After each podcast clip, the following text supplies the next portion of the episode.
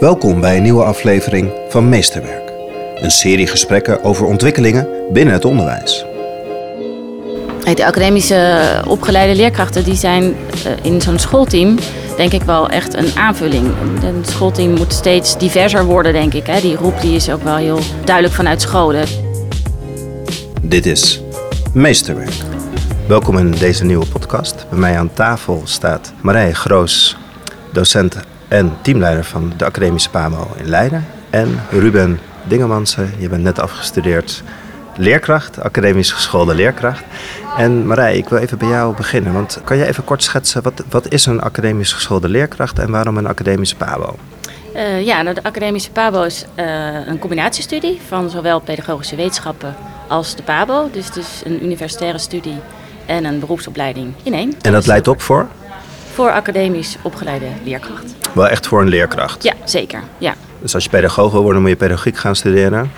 En wil je pedagoog zijn naast leerkracht, dan doe je de academische PABO. En dan ben ik heel benieuwd, Ruben, want jij hebt voor deze studie gekozen. Je bent net klaar. Kan je je nog herinneren waarom je voor deze studie koos? Um, nou, ik heb eigenlijk van kleins af aan al gezegd, nou, ik wil meester worden. Uh, toen kwam op een gegeven moment uh, studiekeuze, toch medische kant op, toch heel wat anders. Maar tijdens open dagen kwam ik toch achter dat mijn hart wel bij het onderwijs lag. Maar ik had ook de VWO gedaan en iedereen in mijn omgeving zei, waarom ga je de PABO doen als je VWO hebt gedaan? Toen kwam ik bij de academische PABO en dat is natuurlijk de combinatie van uh, de PABO en pedagogische wetenschappen. Dus je zit niet zozeer alleen maar het praktijkdeel van de PABO te doen, maar ook gewoon de theorie achter de uh, ontwikkelingstheorieën, hoe een kind uh, ontwikkelt. Dat leer je allemaal op de universiteit. Dus die combinatie daartussen, die vond ik heel erg mooi. En wat trek je precies in die combinatie? Of je had die, die jeugddroom, ik wil meester worden.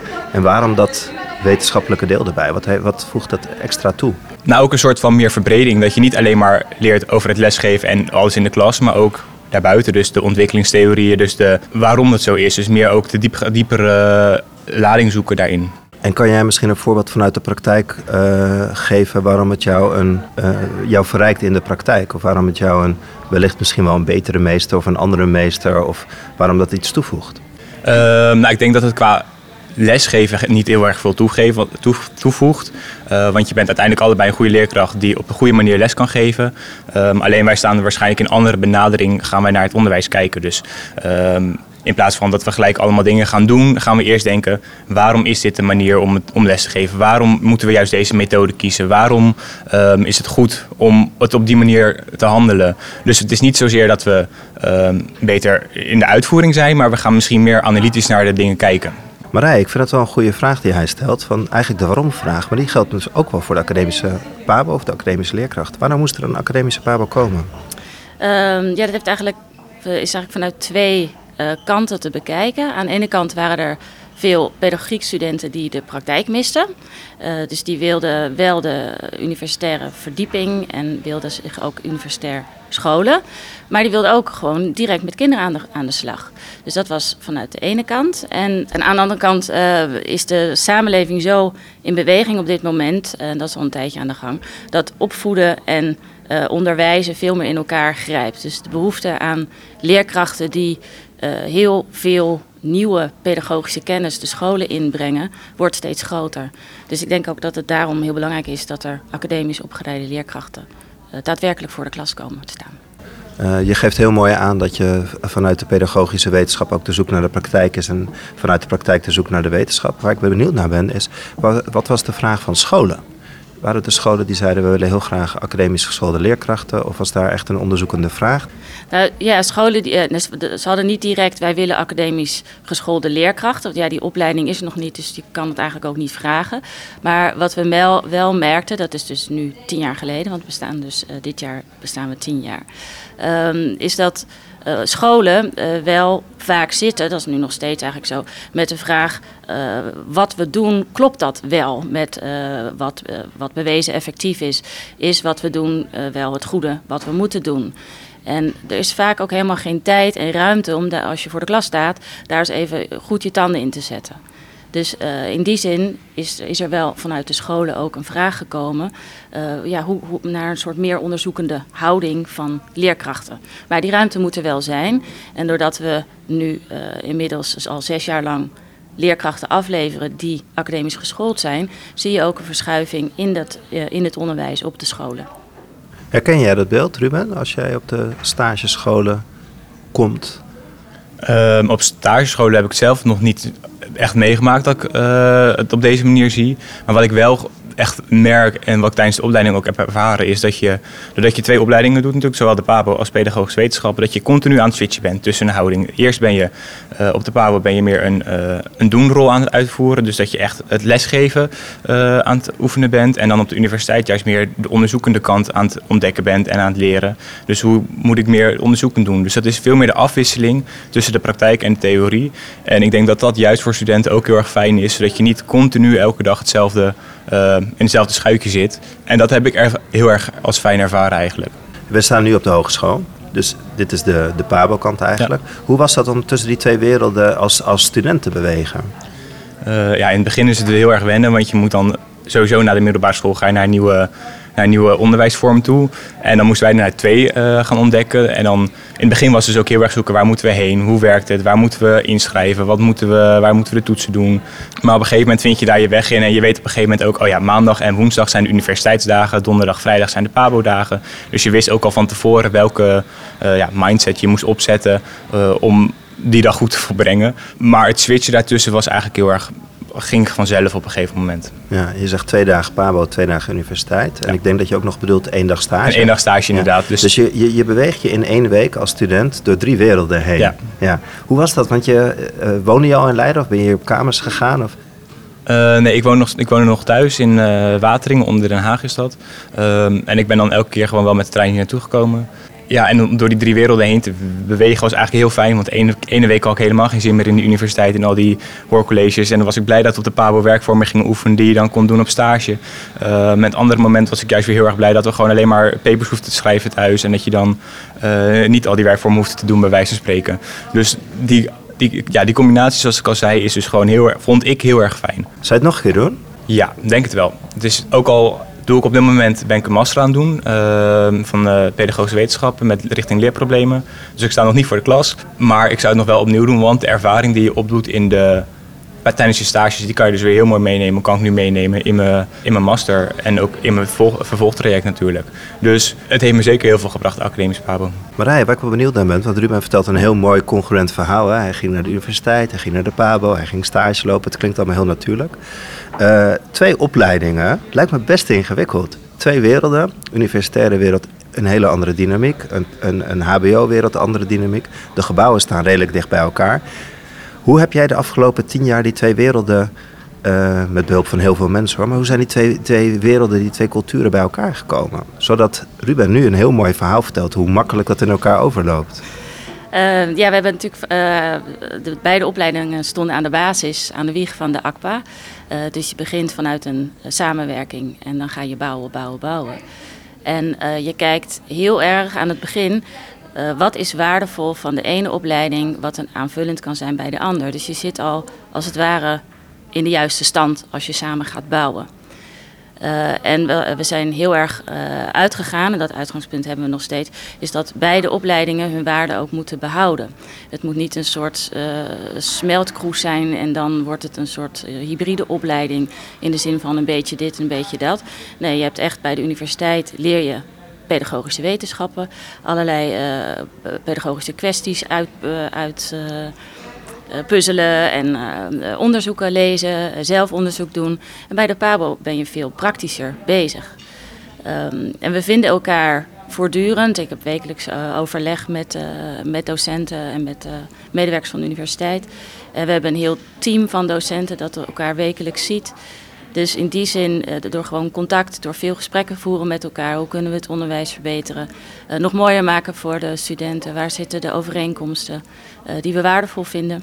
Uh, door dat contact en die gesprekken met elkaar verbeteren we elke keer weer die samenwerking. En houden we die samenwerking dus heel mooi in stand. Ja, dus dat zit echt in die, in die verbinding. Ja.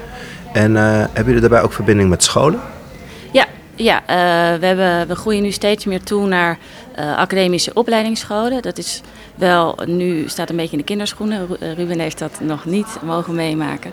Maar scholen die zijn inmiddels heel enthousiast over de academische stagiaires en de academisch opgeleide leerkrachten.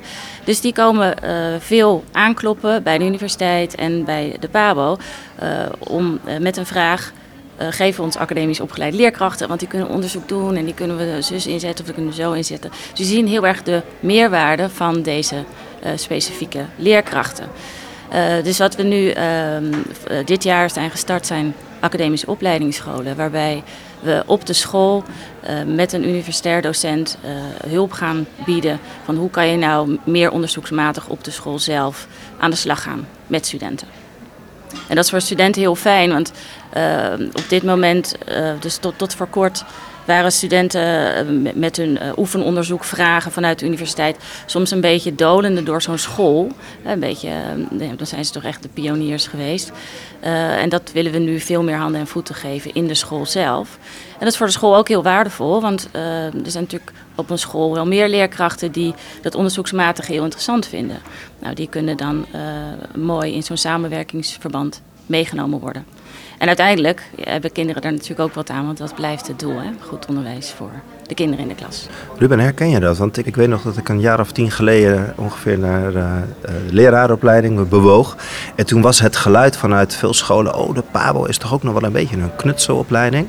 En ik hoor jou een mooi verhaal vertellen over de toegevoegde waarde van de universiteit. Marije, die ook weer vertelt van hey, met academische opleidingsscholen. Hoe heb jij de studie uh, ervaren en, en, ben je genoeg uitgedaagd? Want dat was ook jouw zoektocht, begon je in het begin. Je wilde meester worden, maar...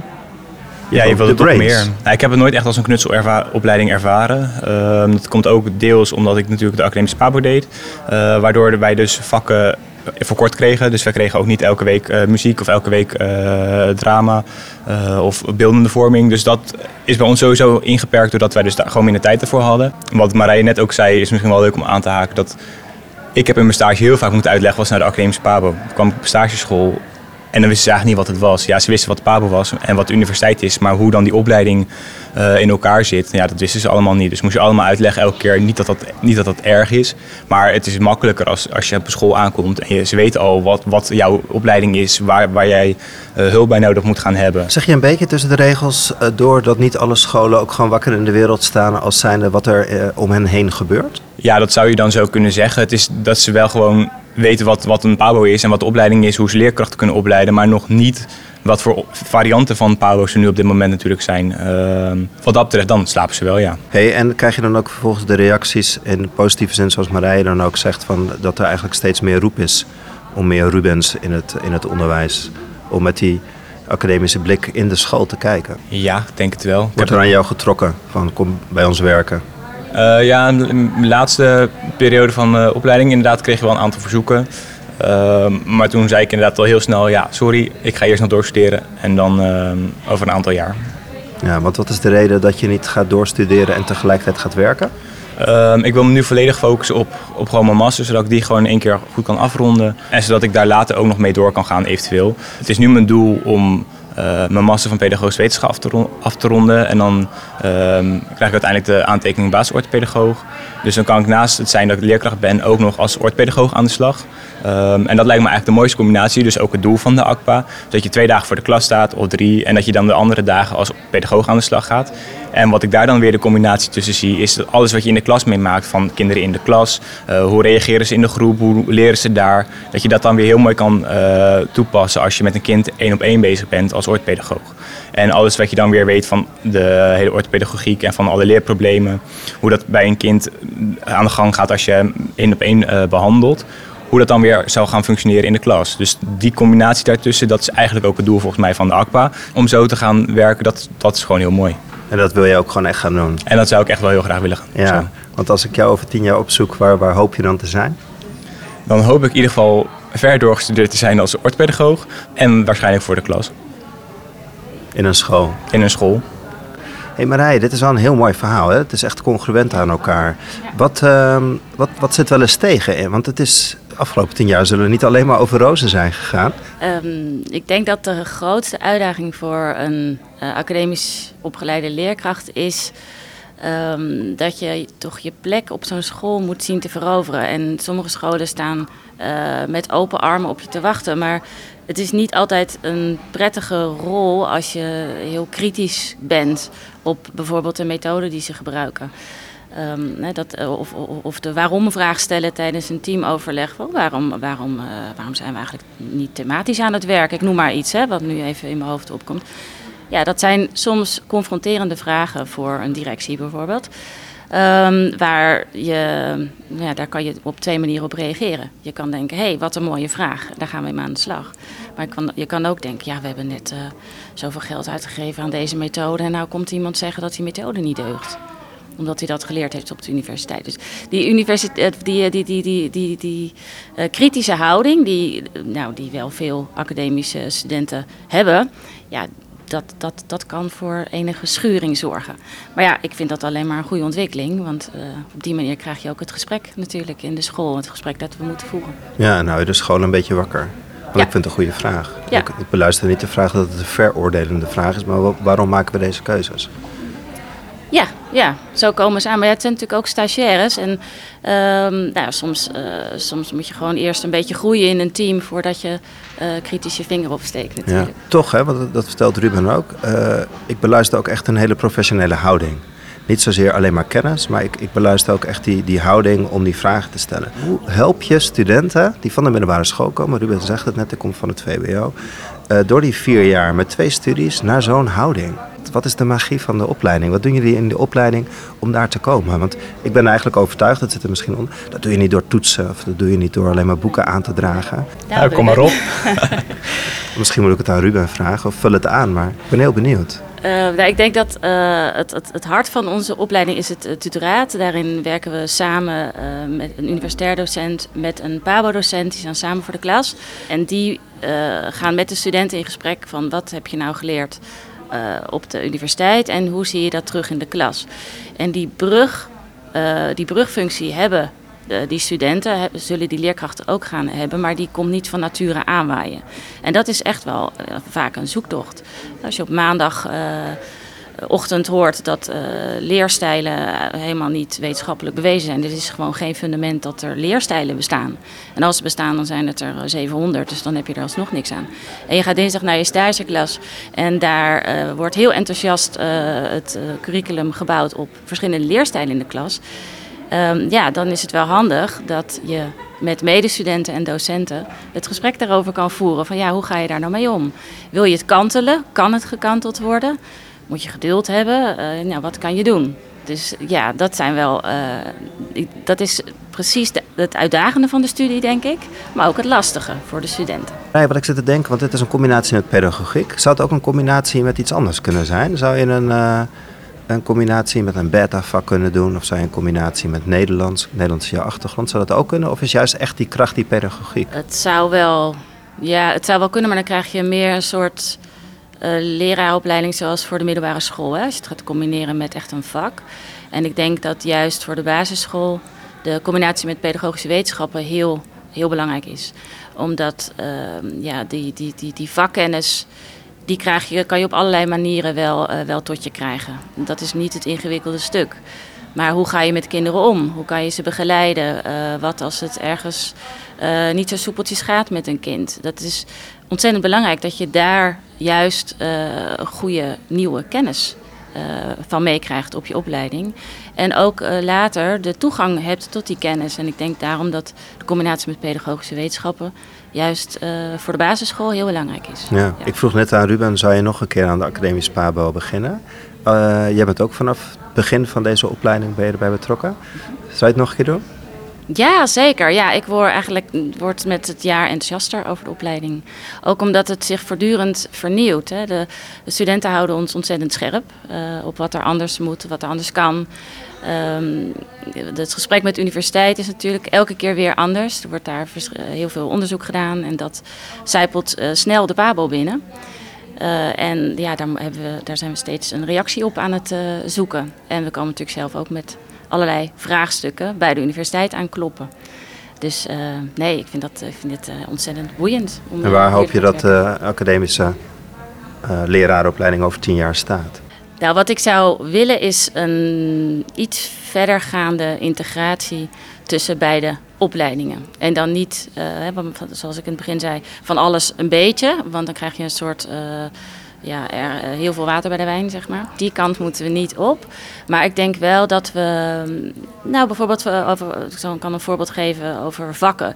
Dat als daar mooi onderzoek wordt gedaan op de universiteit, dat dat zich nog sneller naar de PABO kan vertalen. En andersom, dat scholen vragen kunnen hebben waar de universiteit sneller op kan reageren. Dat kan natuurlijk niet altijd, want scholen komen soms met vragen die je niet even 1, 2, 3 uh, onderzoeksmatig wetenschappelijk gefundeerd kan beantwoorden. maar die kant zou, over tien jaar zou ik die kant wel meer op willen. Dus meer integratie tussen scholen, universiteit en PABO. Wat ik zelf heel mooi vind is dat op de Universiteit Leiden heel veel onderzoek wordt gedaan naar het brein en het leren. En uh, dan gaan ze kijken naar hoe, wat, wat, wat, wat gebeurt er in je hoofd allemaal uh, als je leert lezen bijvoorbeeld. En als je uh, een, tekst leest die wat moeilijker is, wat, wat gebeurt er dan bij zwakke lezers en wat gebeurt er in het hoofd van sterke lezers. Dat kunnen ze heel mooi meten met eye tracking en uh, nou, mooie, mooie apparatuur. En daar komen dan um, ja, interessante conclusies uit die best wel van, uh, best wel van invloed zijn op het uh, begrijpend leesonderwijs. Dan blijkt dus dat het een heel uh, complex cognitief proces is. En scholen zitten vaak met hun handen in het haar van hoe krijgen we dat begrijpend lezen pijl nu omhoog in een klas. Want als het niet lukt, ja dan lukt het niet. En wat, wat kan je dan? Oefenen, oefenen, oefenen. Maar ja, ik denk dat veel leerkrachten zich herkennen in het beeld van dat dat, dat, dat weinig uitmaakt op een gegeven moment. Nog meer teksten lezen.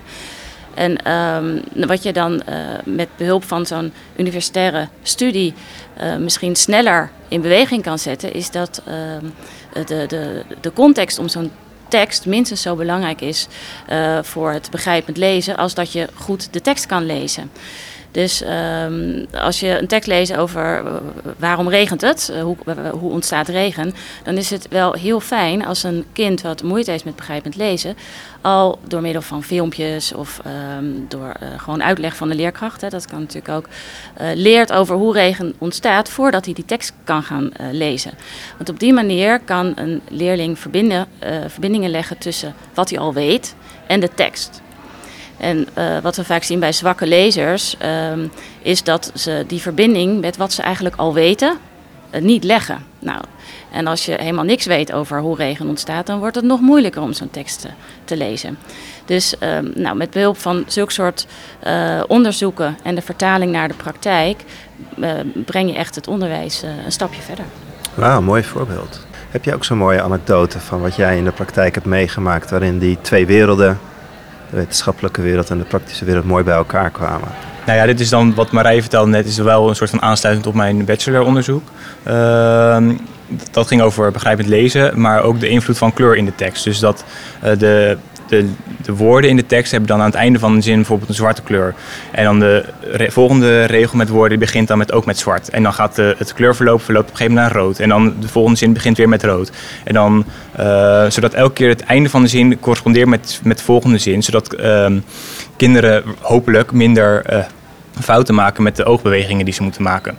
Um, en dat gingen we dus ook echt uitvoeren op scholen. Uh, moesten gingen we uh, participanten werven, um, het onderzoek uitvoeren, analyseren en dan ook die scriptie erover schrijven natuurlijk. En er bleek uiteindelijk uit dat de kinderen dus gewoon sneller konden lezen doordat ze dus, door, het gebruik van kleur. En dat zou natuurlijk gewoon best wel een soort van toekomst kunnen zijn. Als er dus overal kleur in gebruikt wordt bij wijze van spreken. Um, ten opzichte van zwart, zwart-wit. Um, en dat vond ik heel leuk om te doen, het onderzoek. Ja, en verder qua dingen, die leerlingen die je gewoon op school geven, die geven je gewoon heel veel uh, warmte, heel veel energie. En als je dan in de klas staat, dan wil je ook echt gewoon voor ze, voor ze les gaan geven. En dan denk ik soms, nou ja, ik ga ze nu niet bemoeien met mijn hele universitaire achtergrond en hele moeilijke vragen doen. Maar gewoon dat je meester bent, dat is soms gewoon al een heel mooi idee wat je bent. De academische opgeleide leerkrachten die zijn in zo'n schoolteam denk ik wel echt een aanvulling. Het schoolteam moet steeds diverser worden, denk ik. Die roep die is ook wel heel duidelijk vanuit scholen. Het moet niet, uh, niet zo zijn dat er allemaal dezelfde soort leerkrachten voor de klas staan. En ik denk dat juist die academische opgeleide leerkrachten te midden van een team dat bestaat uit uh, specialisten gezonde school, uh, sportleerkrachten, um, mensen die alles weten over jeugdliteratuur, dat dat juist de diversiteit in een, in een schoolteam heel belangrijk is. En dat daar ook die academische leerkracht in thuis hoort. Ik vind het een heel mooie samenvatting van het einde van het bijzondere gesprek. Ik wil je danken voor deze podcast, Ruben en Marij. Nou, graag gedaan. Yes. Dit gesprek met Ruben Dingemansen en Marije Groos is er eentje uit de serie Meesterwerk. Meer afleveringen zijn te beluisteren via Spotify, iTunes, Google Podcast en Soundcloud. Je kunt deze aflevering een duimpje of een aantal sterretjes meegeven, zodat meer mensen deze podcast makkelijker kunnen vinden. Hoe dan ook, tot de volgende aflevering van Meesterwerk.